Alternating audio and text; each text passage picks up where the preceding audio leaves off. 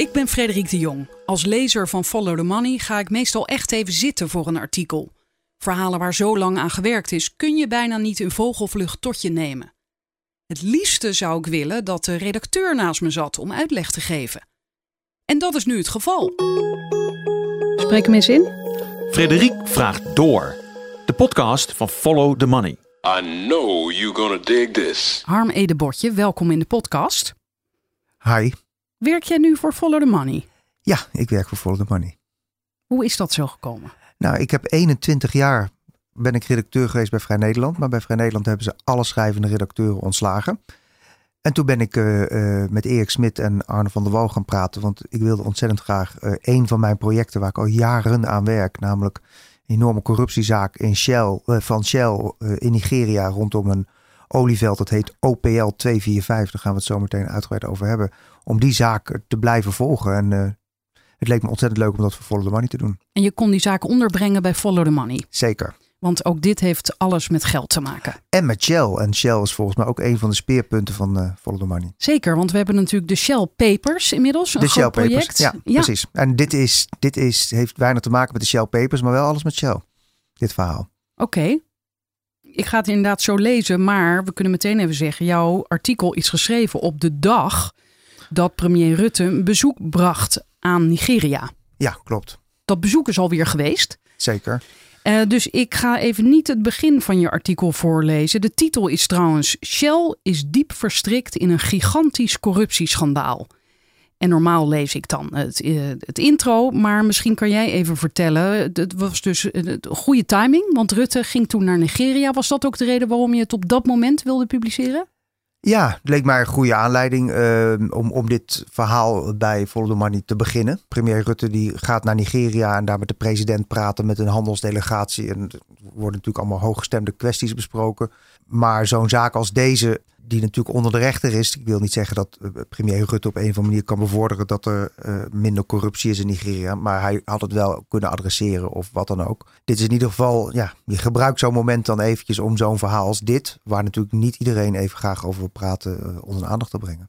Nee, want de vraag hier uh, inderdaad in je, aan het eind van je intro is ook... zal hij de zaak OPL 245 ter sprake brengen? Nou, dat is niet gebeurd. Oh, ik wilde de spanning nog even opvoeren. Ja. Maar en dat dacht jij ook wel, toch? Dat hij dat niet ter sprake zou Ja, brengen. nou ja, dat was ook niet een zinderende persconferentie. Ik bedoel, hij is gekomen, hij is gegaan en uh, uh, dat was het. Maar waarom was hij daar dan wel? Nou, voor een, hij heeft de pre president bezocht en er was een handelsdelegatie mee. En eigenlijk is er meer uit aandacht uitgegaan naar de staatssecretaris Broekers Knol, die ook mee was. En dat ging allemaal over asielbeleid. Dat was veel meer in het nieuws dan de handelsdelegatie en Rutte's verblijf bij die president. Die president, die Buhari, is trouwens een enorme corruptiebestrijder. Dus dat is eigenlijk, kan maar zeggen, een goeie. Um, en die dus ook de rotzooi van de vorige regeringen wil opruimen. En de zaak waar wij het nu dus over gaan hebben, stamt uit die vorige regeringsperiode. Ja, en jij zegt goeie en je maakt nu aanhalingstekens nee, nee, in de lucht. Ja, goeie Rick. Weet je, maar dat... echt een goede Rick, toch? Ja, ja, ja. Ja, ja, ja. Nou, goeie toevallig heb ik een van de mensen die zo meteen ook aan het woord komen in de kop van het verhaal. Die uh, is een activist die daar uh, uh, ja, zich met die zaak rondom Shell en dat uh, corruptieschandaal bezighoudt.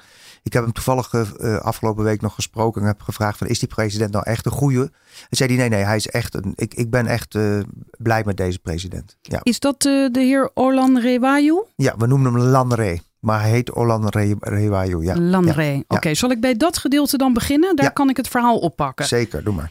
Want die meneer Olan Rewayu Surayu van de Nigeriaanse organisatie HEDA Resource Center, Mhm. mm -hmm. die zegt in jouw stuk: Rutte's bezoek aan Nigeria is een mooi moment om zijn steun uit te spreken aan de huidige Nigeriaanse regering in haar strijd tegen corruptie en omkoping en aan de vervolging van hen die in staat van beschuldiging zijn gesteld in deze OPL 245-zaak. En dat HEDA Resource Center, wat is dat voor organisatie? Nou, dat is een club van ongeveer, uh, nou, ik geloof 10, 20 mensen. Uh, ooit ook gefinancierd door de Nederlandse ambassade, uh, door alle andere clubs. En die, die komen op voor de, uh, ja, het behoud van natuur en, en de strijd tegen corruptie. Zij zijn dus enorm bezig om, om een zaak als deze te volgen en onder de aandacht te brengen. En deze Lanre, zoals ik hem noem, die, die reist op dit moment dus... ja, van in Milaan is, dat komt zo meteen allemaal, is een grote rechtszaak die al draait tegen de Italiaanse oliemaatschappij en ook tegen Shell. En, en, en in Londen en hier, hier hebben ze ook geprobeerd de zaak aan te spannen tegen Shell. En hij is samen met Global Witness, dus een veel grotere en internationaal bekendere organisatie, en twee andere clubs, een Italiaanse club en een Britse club. Met z'n vieren ageren ze dus tegen, uh, nou ja, tegen dit uh, corruptieschandaal. Het verhaal over het olieveld OPL 245 leest als een spionageroman.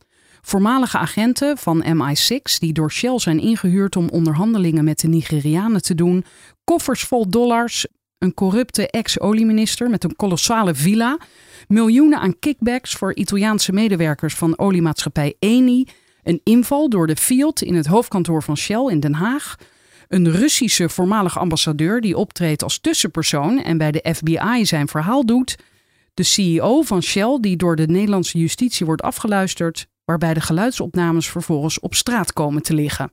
Dit is het verhaal in een notendop. Ja. Zeer veel ingrediënten. Aha. Met het smeergeld hebben de ontvangers grote aankopen gedaan, zo blijkt uit uitgelekte stukken. Er zijn kantoorgebouwen gekocht in de Nigeriaanse hoofdstad Abuja, een shoppingmall in Dubai, vijf Mercedes'en in de C-klasse, twee Range Rovers en drie Chevrolet busjes en een gepantserde Cadillac en ook nog een Global Jet Bombardier. Bombard, Mhm, ja? Bombardier. Ja. Bombardier Vision 6000, dat is dus een vliegtuig. Ja. En dat vliegtuig kostte 56,7 miljoen dollar. Dat hebben ze allemaal aangeschaft van dat smeergeld. ja. Mhm. Mooi. Mooie Ja. verzameling. Ja, het zijn van die stroomschema's hè, die je dan vindt in uitgelekte dossiers. En dan gaan dus de opsporingsambtenaren tot op het naadje om te kijken wat er dan precies gekocht is met die, met die gelden. Stroomschema's. Ja, dat heet, dat heet stroomschema's met pijlen, weet je wel. Het, het- het- daarboven is dan de koffer geld en dan gaan de pijlen naar BV's en die BV's die schaffen dingen aan. Dat zijn ze allemaal nagegaan en uiteindelijk kom je dan dus tot zo'n eh, shoppinglist, zal ik maar zeggen. Ja, dan kom je uit bij een soort toys for the boys. Toys for the boys, zeker. De zaak OPL 245 staat symbool voor wat er mis is in de olieindustrie en in het bijzonder voor wat er mis is bij Shell. Want van alle mooie woorden die het hoofdkantoor in Den Haag bezigt over business principles, eerlijk zaken doen en anticorruptiecodes, was weinig te merken toen de deal in Nigeria werd gesloten. Laten we bij het begin beginnen. OPL 245 is de aanduiding voor een enorm stuk zee voor de Nigeriaanse kust met een oppervlakte van bijna 2000 vierkante kilometer. Onder de zeebodem ligt een oliemeer met een geschatte omvang van 9 miljard vaten en de duizelingwekkende waarde van 570 miljard dollar tegen de huidige olieprijs. In 1998 wist Dan Etete, de toenmalige olieminister onder de brute en corrupte dictator Dan Abetje, OPL 245 voor een habbekrats in bezit te krijgen. Via een paar dagen voor de transactie opgerichte brievenbusfirma Malibu Oil and Gas. En die brievenbusfirma die betaalde slechts 2 miljoen dollar voor het zeer olierijke kavel. In 2001 sloot Etete een akkoord met Shell dat de olie zou gaan winnen, waarbij het oliebedrijf 40% van de aandelen in handen kreeg. In 2003 kreeg Nigeria een democratisch gekozen regering die Etete de vergunning ontnam en rechtstreeks met Shell afspraken maakte over de exploitatierechten in ruil voor betaling van 210 miljoen dollar. Maar Etete liet het daar niet bij zitten. Hij vocht die nieuwe afspraken juridisch aan en verwierf in 2006 opnieuw het eigendom van OPL 245. Daarbij werd, zo ontdekte de FBI later, 10 miljoen dollar smeergeld betaald aan de toenmalige minister van Justitie. Etete probeerde het olieveld te slijten bij de Chinese en Russische oliemaatschappijen, maar dat liep op niets uit, omdat Shell zijn rechten op de exploitatie wel bleef claimen. Oh ja, dus hij hadden daar geen trek in, die Chinezen en Russen. Nou, die Chinezen en die Russen. Kijk, Shell is een, een enorme oliemaatschappij in Nigeria, altijd geweest. En de, die Shell die zorgen ervoor, hè, als een soort eh, kater, bliezen ze die concurrenten naar achter toe. En, en, en ze bleven dus die rechten. Hè, in, er zijn eindeloze procedures geweest waarbij ze zeiden van ja, maar wij hebben die exploitatierechten ooit verworven. Dus het was een besmet kavel. En dat noem je zo'n kavel, zo'n olieveld. En, eh, en daardoor trokken die Russen en die Chinezen dachten, ja, hier gaan we onze vingers niet aan branden. Want Shell heeft toch veel betere contacten op alle niveaus in de Nigeriaanse overheid.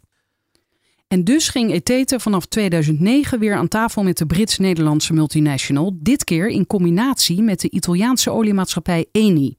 Etete werkte daarbij nauw samen met de man die op dat moment president was, Goodluck Johnson. In zijn jonge jaren had Johnson de kinderen van Etete nog les gegeven.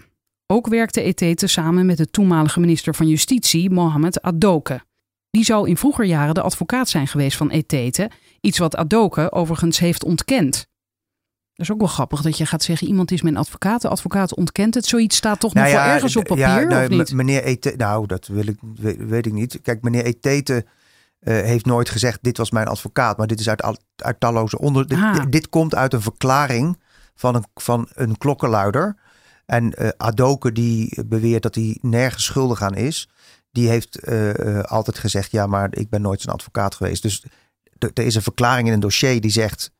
Eh Adoke en Etete kenden elkaar, maar Adoke ontkent. Dat is wat ik hier zeg. Maar dat, moet je, dat is een disclaimer die je wel in zo'n stuk moet zetten, want je wordt gewoon achtervolgd hè, eh, Ja. met procedures. Ja. Inderdaad, want hoe schrijf je inderdaad zo'n stuk? Met ieder woord leg je op een weegschaaltje? Ja, nou, je legt wel dingen op een weegschaal, omdat hier dus wel geprocedeerd wordt. En eh, je moet dus gewoon altijd keurig melden wat de partijen er zelf van vinden. En, en kijk, normaal doe je een weerwoord, maar Adoke is, dat komt er verderop in het stuk, die is onlangs opgepakt. Er zit dus in, eh, dit is de eerste grote vis die is gearresteerd en die zit nu in Dubai. En eh, de grote vraag is of die uitgeleverd gaat worden naar Nigeria of niet. Als die wordt uitgeleverd, dan komt hij dus voor de rechtbank en dan krijgen we dus daar een enorm spektakel. Maar dat eh, is Ik nog dacht dat Dubai met niemand een uitleveringsverdrag met had. uit, nou, ze hebben dus onlangs een uitleveringsverdrag gesloten met Nigeria. Oh, wat toevallig. Ja, nou ja, ja zeker. Se- serieus, toevallig. Oh. Ja, maar de grote vraag is of ze. eh, eh, binnen Nigeria zijn nu verschillende krachten aan de gang. Eh, ik geloof dat de huidige minister van Justitie niet wil dat eh, voormalige of col- oud-collega's van hem zomaar voor de rechtbank komen en uit. Dus die stribbelt tegen. Maar de president wil het wel. Dit, hier zit nog een heel machtsspel achter. Ja. Oké, en dit geeft ook aan hoe ingewikkeld dit land is. Natuurlijk, net, zoals Nederland. Er zijn, altijd, ik bedoel, er zijn altijd tegenstellingen in landen. En de, de- rondom deze meneer Adoke, die nu echt toevallig, dat was een nieuwtje. Toen ik dit stuk schreef, eh, werd hij eh, toevallig gearresteerd. Het was eigenlijk voor de insiders van dit verhaal een grote gebeurtenis. Ja. Oké, maar- maar jij zegt nu even eh, van Nederland is eigenlijk net zo ingewikkeld als Nou Nigeria. ja, overal zijn politieke Ja. tegenstellingen. En kijk, ik bedoel, ik, ik, ik kan me moeilijk voorstellen dat als een oud minister in Nederland verdacht wordt van miljoenenfraude en hij wordt ergens opgepakt, dat je hem dan niet uitlevert. Maar daar kan dat dus blijkbaar wel. Dat is wel anders, denk ik. Etete was omstreden, iets waarvoor Shell-juristen intern waarschuwden. Zo veroordeelde een Franse rechter hem in hoger beroep bij verstek tot een gevangenisstraf van drie jaar en een boete van drie ton wegens witwaspraktijken. Op 29 april 2011 kwam het tot een akkoord tussen Shell, Eni, de Nigeriaanse overheid en brievenbusfirma Malibu. De oliemaatschappij betaalde 1,3 miljard dollar. 210 miljoen dollar daarvan ging naar de Nigeriaanse staat. 1,2 miljard dollar werd via de Nigeriaanse overheid gestort op een aantal rekeningen die allemaal waren te herleiden tot eteten. Ja, maar dat, als ik je mag onderbreken. Dus een schijntje gaat naar de Nigeriaanse staat. Daarvan kunnen ze scholen bouwen, gezondheidscentra opzetten, eh, ambtenaren salarissen betalen. En het kolossale bedrag van 1 miljard en een beetje verdwijnt naar ongelooflijk niet herleidbare eh, eh, eh, bestemmingen. Namelijk corruptie. Dus 1 miljard corruptie. Dat is, dat is volgens mij nog nooit vertoond. Nee. Oké, dan lees ik verder. Een deel van dat geld, dus van die 1,1 miljard, vloeide terug naar Italië als kickback voor hooggeplaatste medewerkers van Eni. Zij hadden een persoonlijke provisie weten los te peuteren op het smeergeld dat ze namens Eni uitbetaalden. Dit Ja. moet je ook even uitleggen Ja, hoor. dit is, eh, dit is heel eenvoudig. Kijk, ehm, er is 1,1 of 1,2 miljard dollar smeergeld. Wat dus naar die ET gaat. Naar die brievenbusfirma's. En dan, dat geld is natuurlijk geld wat afkomstig is van Eni en Shell. Gewoon van de, van de, van de, van de firma's. En dan zeggen ze, nou, wij geven jou die 1 miljard. Maar dan willen we op onze privérekeningen... Pietje, Karel, Flip en Joris... Gianni, Giovanni, Ja, precies. Paolo en Precies. Piero. Precies, die willen op een privérekening van dat geld wat eigenlijk van Aha. hun bedrijf is, willen ze dan nog een ton of een miljoen of twee miljoen terug hebben, zodat ze dus een vakantiehuisje kunnen kopen. En dat gebeurde dus ook. En dat noem je kickbacks. Ja, en dan komen we nu bij het gedeelte waarin jij uitlegt hoe dit bekend is geworden, deze kwestie. Je schrijft de zaak rond de OPL 245 is aan het rollen gebracht door twee tussenpersonen die Etete als onderhandelaars hadden aangesteld. De ene was de Russische oud-diplomaat Ednan Agaev, die tussen Etete en Shell bemiddelde. Hoewel Etete hem veel geld had beloofd, bleef hij met lege handen achter. Hij stapte vervolgens naar de FBI en verklaarde daar dat Shell op de hoogte was dat het zaken deed met een corrupte man. Ook zou Shell hebben geweten dat een onbekend deel van het geld zou worden doorgesluist naar de toenmalige president Goodluck Johnson. Johnson ontkent dit overigens.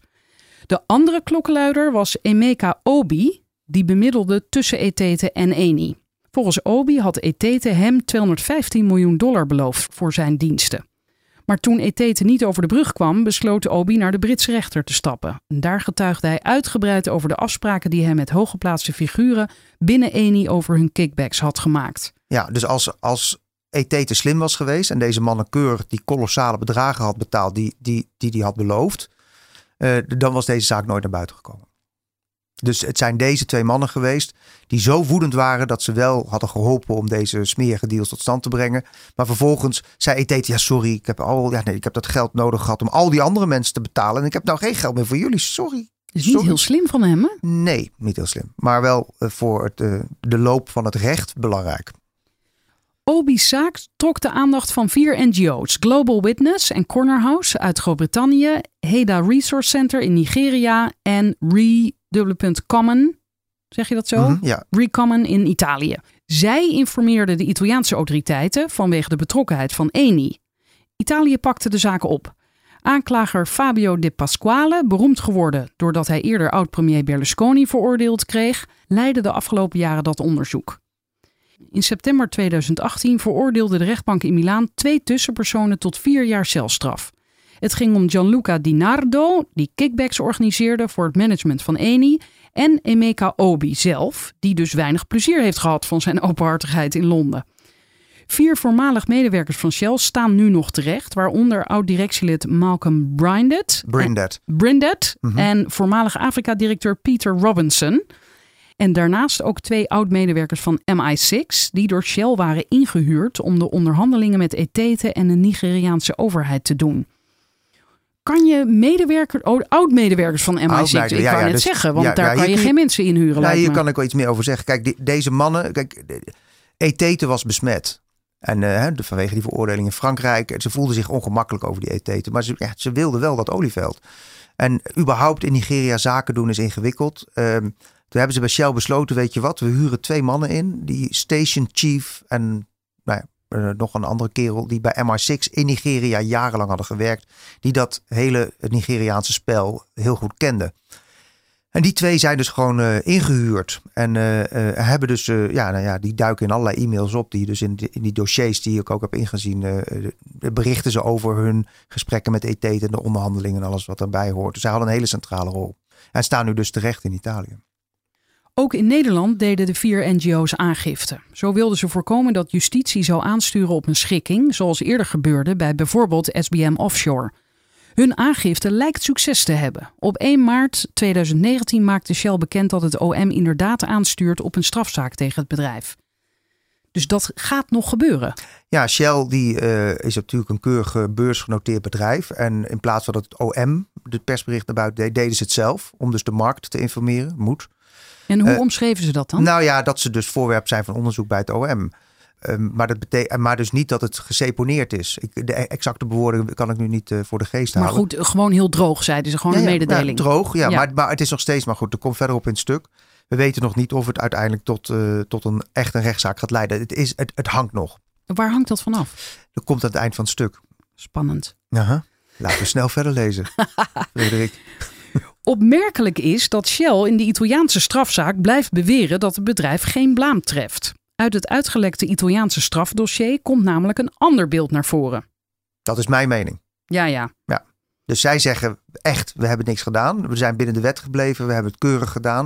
En dat herhalen ze op elke, op elke keer als je ze ernaar vraagt. Maar het gekke is dat als je dat dossier leest, dat is mijn weging, mijn journalistieke weging. En dan kom ik tot een andere conclusie. Veel van het gelekte materiaal was afkomstig uit een inval die de Fiat op de vroege ochtend van 17 februari 2016 had gedaan bij het hoofdkantoor van Shell in Den Haag. Het was een voor Nederlandse begrippen ongehoorde actie. Op verzoek van de Italiaanse justitie vielen 30 Fiat-rechercheurs het majestueuze gebouw aan de Karel van Bijlandlaan binnen, gingen rechtstreeks naar de directie vertrekken en namen daar een grote hoeveelheid materiaal in beslag. Uit die schat aan informatie werd in april 2017 al volop geciteerd in artikelen van BuzzFeed, de New York Times, het Italiaanse Il Sole 24 Ore en in een rapport van Global Witness. Het beeld dat naar voren kwam was niet best voor Shell. Het oliebedrijf wist al in een vroeg stadium dat Etete corrupt was. Hij zou belang hebben bij een akkoord over OPL 245, zegt een in Nigeria geplaatste Shell-medewerker, omdat hij, volgens die medewerker, een hele reeks van belanghebbenden heeft met wie hij moet afrekenen. Die medewerker besloot zijn mailtje met de opmerking dat OPL 245 een Big Apple was en dat ze zich niet konden veroorloven die Apple te verliezen. Al in 2004 wist Shell dat Dan Etete en andere betrokkenen bij Malibu onderwerp van internationaal justitieel onderzoek waren wegens witwasserij. Etete werd in 2007 in Frankrijk metterdaad veroordeeld voor witwaspraktijken. Een van Shell's mensen waarschuwde dat zaken doen met Etete ertoe zou kunnen leiden dat we serieus kwesties krijgen met onze eigen business principles. Dat is een quote. In de Shell-mail sprak men in codetaal over de hoofdpersonen in het OPL 245-dossier. Zo had de oud MI6-medewerker John Copleston, die nu terecht staat in Milaan, van Etetes echtgenote, Mrs. E, te horen gekregen dat haar man, Delta Man, van de 300 miljoen die Shell had beloofd, maar 40 miljoen zou kunnen houden. De rest is nodig om mensen af te betalen, zei Mrs. E daarover. Ook schreef Copleston dat er aanzienlijke bedragen naar de toenmalige president Goodluck Johnson zouden gaan. Hij schreef dat het heel moeilijk zal worden om aan de verwachtingen van de chief te voldoen wat betreft de hoeveelheid cash die Shell op tafel kan leggen. En hij zegt daar nog meer over. Hierover moet Peter, en dat is dan die Peter Robinson, destijds vice-directeur Afrika van Shell, die ook in Milaan terecht staat, praten met Den Haag en terugkomen met een getal. Ja, dit is best ingewikkeld als je dit beluistert, denk ik. Oké. Maar kan ik het kort samenvatten? Graag. Kijk, uh, uh, in Nigeria worden dus die onderhandelingen gevoerd door die Copplestone en die andere MI6-man.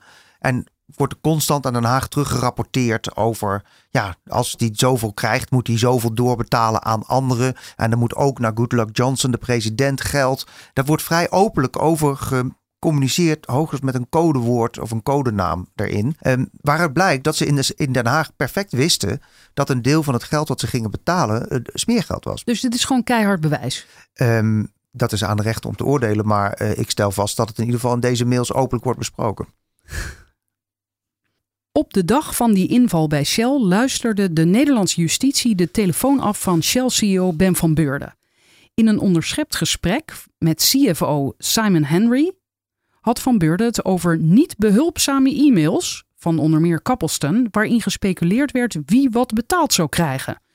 Van Beurden deed deze mails af als kroegpraat en noemde ze dom.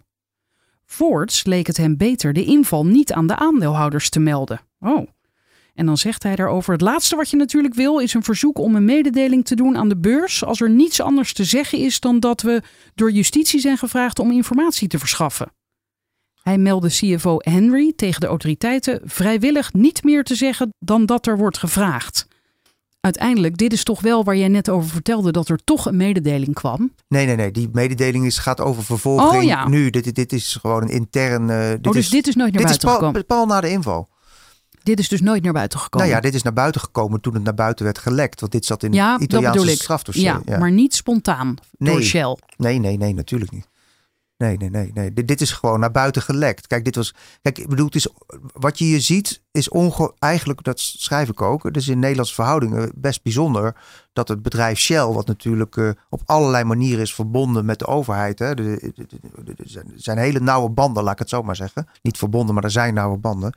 Dat, dat er dus een inval wordt gedaan op het hoofdkantoor. Dat ze die directievertrekken ingaan. Dat ze die computers leegtrekken. En dat ze ook nog eens een keer de CFO afluisteren op de dag van de inval. Dat is nou, dat, uh, dat, dat is in, waanzinnig, ja. in Nederlandse verhoudingen heb ik dat eigenlijk nog nooit meegemaakt. En ik denk dat die, ik, ik kan me voorstellen dat Van Beurden met die afluisterpraktijk niet blij is. En dat hij ook met het afgeluisterde uh, fragment, wat dus naar buiten is gelekt, waarin hij dus zo openlijk praat over kroegpraat. En ja, daar niet, blijf ik niet even op hangen. Kroegpraat. Ja, ja, maar hij doet het af als kroegpraat. Terwijl je natuurlijk eigenlijk zou zeggen, ja, maar als je dus dit soort signalen binnen je eigen onderneming hebt over smeergeld op grote schaal, dan doe je dat niet af als kroegpraat. Maar dan zeg je, maar hier moeten we wat aan doen. Wat is? Hij had moeten zeggen, Simon Henry, ga nu naar Nigeria en zoek het tot de bodem uit. Ja. Maar dat zei hij niet. Nou ja, ehm, ik ben benieuwd. eh, als het in Nederland tot een strafzaak komt, dan zal misschien eh, meneer Van Beurden daarover nog meer kunnen vertellen in de rechtbank.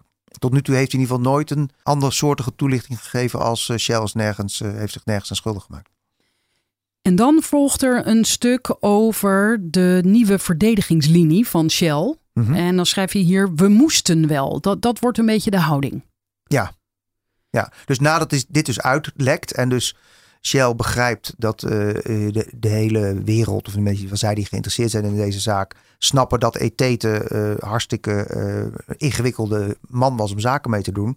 Toen gingen ze zeggen van ja, we wilden dat Olieveld, we wilden een doorbraak forceren en we konden niet anders dan het met hem doen. En dus gingen we maar met hem in zee. Shell kon na dit lek niet langer volhouden dat het niet wist dat Etete foute bol was. En dus betrok het bedrijf publiekelijk een andere verdedigingslinie. Shell moest wel met deze man onderhandelen. Dat was de enige manier om uit de jarenlange impasse rond dat olieveld te komen. Het bedrijf deinsde bij die onderhandelingen niet terug voor onconventionele oplossingen, zo blijkt. De uitgelekte mails laten zien dat juristen en directie op het hoofdkantoor in Den Haag actief aanstuurden op een deal waarbij Etete honderden miljoenen zou ontvangen. Dan volgt er een quote: We moeten snel handelen omdat de wolven rondcirkelen. Dat schreef Shell-topman Malcolm Brinded op 11 oktober 2010 aan Peter Robinson, de Shell-directeur van Sub-Sahara-Afrika. Inmiddels wilden Shell en Eni niet rechtstreeks zaken met hem doen. Daarvoor was Etete al te besmet. Daarom bedacht Shell een constructie die erop neerkwam dat beide oliemaatschappijen de koopsom van 1,3 miljard voor dat olieveld aan de Nigeriaanse staat zouden betalen, waarbij Etete en Malibu hun geld vervolgens via een door de Nigeriaanse staat beheerde derdenrekening zouden krijgen. Zo zouden Shell en Eni geen vuile handen maken. Het geld was immers aan de Nigeriaanse staat betaald en wat die daar vervolgens mee deed, viel buiten de verantwoordelijkheid van de oliebedrijven. Probleem opgelost. Ja, dit, is, dit komt op mij over als een slimme constructie. vanuit Shell gezien. Eh, en, en daarbij moet je dan, hè, wat ik eerder in het stuk schrijf, dat dus die eh, mensen kennen elkaar allemaal. Dus die, die, die Dan Etete, die oud-minister van Olie, die was dus, hè, zijn kinderen waren, hadden les gekregen van Goodluck Johnson of andersom. En, en die minister van Justitie, die was al dan niet een advocaat geweest. Hè, dat, hij ontkent dat zelf. Maar ik bedoel, de, de lijnen Ja. waren kort in het huidige, in het toenmalige regime. En Etete. Dus, dus een derde rekening openen door de Nigeriaanse staat was, eh, ja, liep, was voor hem een goede optie. Ja, en je schrijft dan ook, die constructie kreeg het akkoord van de directietop in Den Haag. Ik kan bevestigen dat het voorstel de steun heeft van Peter Voser, Simon Henry en Peter Rees. Schrijft Malcolm Brinded op 22 januari 2011. Nee, maar dat betekent dus dat, dat deze constructie, ja, dat, dat die dus. Kijk, Shell zegt altijd ja, Nigeria is een aparte entiteit. Shell Nigeria, wij op het hoofdkantoor enzovoort. Maar hier zie je dus dat in Den Haag ze deze constructie dus goedkeuren. En ook de toenmalige minister van Justitie Mohamed Adoke duikt op. Hij zou op 14 april 2011 aanwezig zijn geweest in de hagelwitte villa van Aliou Abu Bakar in het centrum van Lagos. Abu Bakar, die in Nigeria ook wel Mr. Corruption wordt genoemd, oh, had bij die deal tussen de oliemaatschappijen, de Nigeriaanse overheid en Etete een bemiddelende rol gespeeld. In een verhoor verklaart Abu Bakar dat elf witte mensen van Shell en vijf witte mensen van Eni aanwezig waren in zijn huis, plus minister Adoke en vertegenwoordigers van Malibu. Nadat het geld was overgemaakt, ging 523 miljoen naar Aliou Abu Bakar. Die zou er volgens Italiaanse onderzoekers voor hebben gezorgd dat de Nigeriaanse hoogwaardigheidsbekleders en topmensen van de oliemaatschappij Eni kickbacks kregen, waarbij de twee inmiddels in Milaan veroordeelde mannen een belangrijke rol speelden. Hierbij zouden de dollars met sporttassen tegelijk zijn verdeeld. Ik hoor inderdaad steeds mannen. Zitten hier geen vrouwen bij in dit hele verhaal? Nee, nee, nee, nee. De, de, de olie, olie, oliewereld is een mannenwereld. Ja, er is één vrouwelijke minister, maar die heb ik uit het verhaal gelaten om het niet nog ingewikkelder te maken. Er is één vrouwelijke minister, maar die, die zit niet in dit stuk. Toen de deals in 2011 beklonken waren, schreef Peter Robinson, Shell's Afrika-directeur, aan de juristen in Den Haag dat ze geweldig werk hadden geleverd. Inmiddels is Robinson bij Shell in ongenade gevallen. In maart 2019 deed het bedrijf aangifte tegen hem omdat hij in een andere zaak smeergeld zou hebben ontvangen dat hij in de Seychelles zou hebben gestald. Robinson staat overigens ook in Italië terecht. Malcolm Brinded, de voormalige nummer 3 van Shell, staat ook terecht in Italië, waar hij overigens nog niet in persoon is verschenen. Hij vertrok in 2012 bij Shell, maar is nog wel bestuurslid van de Shell Foundation, de liefdadigheidsinstelling van de multinational. Ja, het is dus opvallend dat Robinson is ook niet in Italië verschenen. En die twee MI6-mannen ook niet. Ze komen niet. Dus het is eigenlijk wel uh, opvallend. Shell die, ja, die, die, die, wil niet dat die mensen daar uh, voor het hekje komen. Uh, dat huis van Robinson in Australië woont in Australië. dat huis daar is ook een inval geweest. Wat daarvoor materiaal uit is gekomen, dat weten we niet. Die, dat is een separate zaak. Um, Robinson is dus totaal een ongenade gevallen. Brinded niet. Die is gepensioneerd, maar nog wel dus bij die liefdadigheidsinstelling. En ik ben benieuwd. Kijk, die, die zaak in Italië, die, die zal waarschijnlijk in het voorjaar van 20 tot een conclusie komen.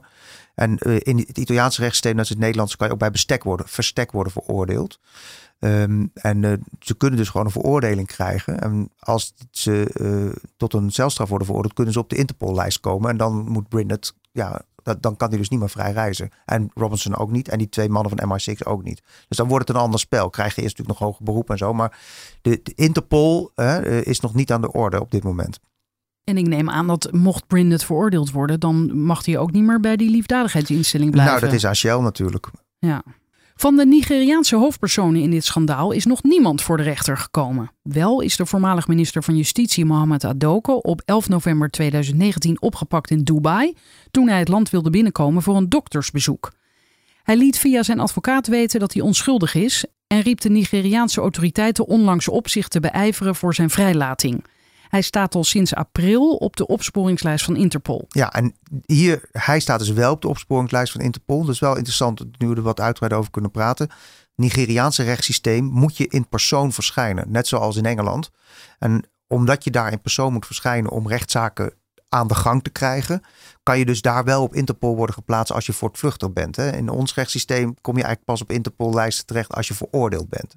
Maar kunnen zij dan wel reizen als ze juist op die nee, lijst staan? Nee, ze kunnen niet reizen. Dus, maar dus... ze moeten wel verschijnen, maar dat kan dus niet. Nee, wacht even. Dus Adoke is, uh, uh, stond in april, sinds april staat hij op die lijst. Hij is op onbekende wijze in Dubai aangekomen, maar daar wel op de luchthaven opgepakt. Ja, ja, ja. Snap je? Uh, misschien dat hij op een vals paspoort reisde of dat, dat is onbekend hoe, hoe die daar nou is beland. Het, het, het verhaal is, de, die Adoke die woonde een tijdje hier in Nederland. Die heeft hier hmm. ook korte tijd verbleven. Ja. En, uh, en, hij is, en hij heeft naar verluid de laatste tijd in Ghana gebivakkeerd. En is uit Ghana naar uh, Dubai gegaan. En daar is hij nu dus opgepakt. Hij beweerde, dat schrijf ik ook in het stuk, er staat in zijn verklaring van zijn advocaat, dat hij voor doktersbezoeken ging. Maar naar algemeen wordt aangenomen is dat hij op bezoek ging bij Dan Tete, want die woont ook in Dubai namelijk. Of dat Gezellig daar. Ja, ja, ja, ja, ja, ja, ja. God, er woont van alles in Dubai wat uh, running from the law is. Hè? Um, dus ik, het vermoeden is dat hij eerder voor allerlei besprekingen naar Dubai ging. Maar hij zei de dokter, dus ik schrijf op de dokter, want dat is zijn verklaring. Hè? Ja, Etete is voor de Nigeriaanse justitie onvindbaar, maar dook onlangs op in Parijs. hey, dat schrijf je hier, maar hij, je zegt nu ook dat hij in Dubai woont. Ja, nou in een artikel, recent artikel, staat dat hij in een hotel in Parijs is. Oké. Dat heb ik ook opgeschreven. Een artikel van iemand anders? Ja, natuurlijk. Een verhaal. Een nee, maar ik bedoel meer van wie is dat? Want ik kan niet ja, doorklikken. Maar dat nee, is een interview in een, in, een Afrikaans, uh, in een Afrikaans online magazine. Oké. En waarin hij wordt geïnterviewd. Maar of hij echt in Parijs was op dat moment, of dat het een dwaalspoor is, dat is eigenlijk uh, onduidelijk. Omdat ik dus later, nadat ik dit stuk had geschreven, even voor, ik dacht dat hij in Parijs was. Ja. Later hoorde ik uit bronnen dat hij gewoon in Dubai zit en dat ze dit soort dingen doen om dus de Oh. dwaalsporen uit te zetten. Ik weet het niet dus. Ik weet niet waar hij is. Maar hij is wel op vrije voeten nog steeds. In Nederland wil het onderzoek tegen Shell nog niet erg vlotten. Bij de inval in 2016 zijn stukken in beslag genomen, die inmiddels zijn gedeeld met de Italiaanse autoriteiten. Maar er zijn destijds veel meer stukken in beslag genomen. Het OM wil die nu gebruiken in een strafzaak tegen Shell-managers in Nederland. Maar het oliebedrijf verzet zich met hand en tand tegen dat voornemen. 15 in-house lawyers van Shell verzonnen een handigheidje, zo onthulde NRC in juni 2019. Volgens de juristen viel hun interne communicatie onder het beroepsgeheim, normaal voorbehouden aan advocaten. Kan je dat dan zo beweren? Nou ja, dat hebben zij beweerd. En Ja, de, rechter dat- heeft dat van tafel geveegd. Als je oh, ik wou net zeggen, ja. ja. zo snel ben ik niet. Nee, Het OM was not amused. Een dergelijke oprekking van het verschoningsrecht maakt vervolging in grote fraudezaken zo goed als onmogelijk, omdat elk document dan moet worden getoetst aan de vraag of het in een rechtszaak mag worden toegelaten. Dat zou tot enorm tijdverlies leiden. Inmiddels heeft de Rotterdamse rechtbank het OM gelijk gegeven. Ja, Maar- de rechter oordeelde in oktober 2019 dat de Shell-juristen niet onafhankelijk zijn en dus geen aanspraak kunnen maken op het verschoningsrecht. Maar Shell is wel tegen deze uitspraak in beroep gegaan. Ja. En dat loopt nog. Dat loopt nog. En de laatste zin in jouw stuk is dan: een woordvoerder van het OM laat weten dat pas nadat is vastgesteld welke stukken in de strafzaak gebruikt kunnen worden, een besluit wordt genomen over vervolging van Shell. Ja, dus, dus het OM eh, wil graag verder. Maar ja, als ze niet over de stukken kunnen beschikken waar ze die zaak op moeten bouwen. De, hè, zolang dat onder de rechter is, kunnen ze, natuurlijk die, kunnen ze natuurlijk geen beslissing geven over vervolging. Dat vind ik op zich heel logisch. En Dit, kijk, eh, je kan je afvragen waarom Shell dit doet. Eh, waarom dit, dit, dit zou je gewoon eigenlijk in Dit één vertragen bedoel je? ja, tegenstribbelen. Nou ja, waarom doe je zoiets? Niemand wil veroordeeld worden, toch? Nee, dat snap ik. Maar ehm, ze zijn ook voor transparantie en het, hand, het, het, het Ja. handhaven van business principles en alles wat erbij hoort. Je zou kunnen denken van weet je wat, we, we, we willen gewoon eh, dat deze zaak eh, die tot een eind komt en we gaan hier gewoon in mee. Maar dat, dat, dat, dat hebben ze niet besloten. Maar hoe kan het nou dat die zaak in Italië wel sneller gaat? Een ander rechtssysteem, eh, toch? Ehm, en die zaak is veel eerder aanhangig gemaakt. Ehm, en die openbare aanklager daar, die heeft enorm grote stappen gezet. En verschillende van die verdachten, die nu dus allemaal, te- die, die twee die al veroordeeld zijn, die hebben gebruik gemaakt van het zogenaamde versnelde procedure. Dat is echt een Italiaanse model. Waarbij je dus eh, kan zeggen van, nou ja, ik wil graag een snelle, een snelle zaak hebben. Waarbij dus eh, er ook veel sneller tot een uitspraak eh, kan worden gekomen. Maar geldt dat specifiek voor corruptiezaken? Nee hoor, nee. In Italië, ik weet niet, ik ken het Italiaanse rechtssysteem niet zo goed. Maar ik kan me voorstellen vanwege al die maffiazaken dat ze dus een, een versnelde ja, procedure precies. ooit Daar, daar hebben doelde ik ingevoerd. ook op, ja. Ja, en dat, en, dat, en dat deze twee die dus veroordeeld zijn, hebben daar, die Obi en die Italianen hebben daar gebruik van gemaakt. Hier in Nederland is pas veel later aangifte gedaan. Pas eh, anderhalf jaar geleden, geloof ik. Ehm, en, en nou ja, dan moeten ze het allemaal gaan be- beoordelen en zo. Dus we lopen gewoon achter. Ja. En in- Nigeria heb je ook nog een, die heb ik niet opgenomen in dit stuk, maar heb je, loopt ook een zaak. eh, waar ook een Nederlander in, eh, in, op de verdachte lijst staat. Naast die Ali Abu, Abu Bakr, hè, die Mr. Corruption. En naast eh, allerlei andere mensen. Dan heet Tete natuurlijk.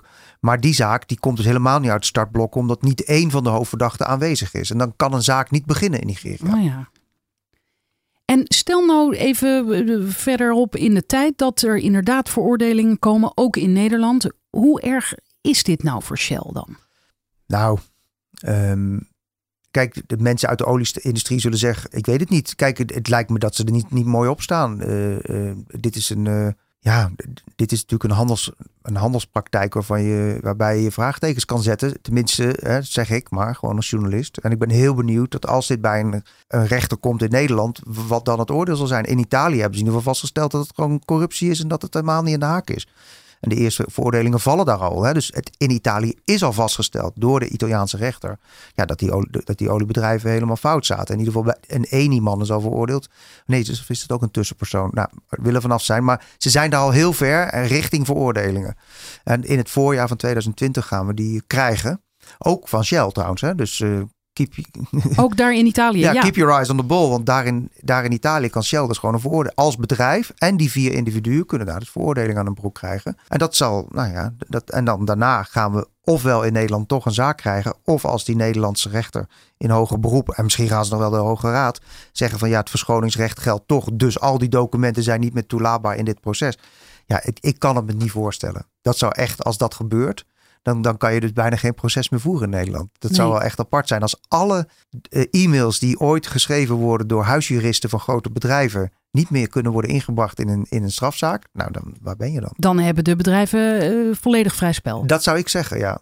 Ja. En Ja. dat heeft de, de rechter in eerste aanleg dus ook eh, gezegd. En daar ben ik benieuwd hoe het in hoger beroep gaat. Ja, je zei eerder al van ik moet eh, mijn formuleringen zorgvuldig maken, want eh, voordat je het weet word je vervolgd. Heb je in al deze jaren waarin jij deze zaak volgt al eh, gedoe gehad? Ja, de oud-minister Adoke, die heeft mij wel een, een flinke brief geschreven ooit. En eh, Een, een, Nou ja, een brief dat hij ja, schadevergoeding eiste wegens aantasting van de Hmm. goede naam.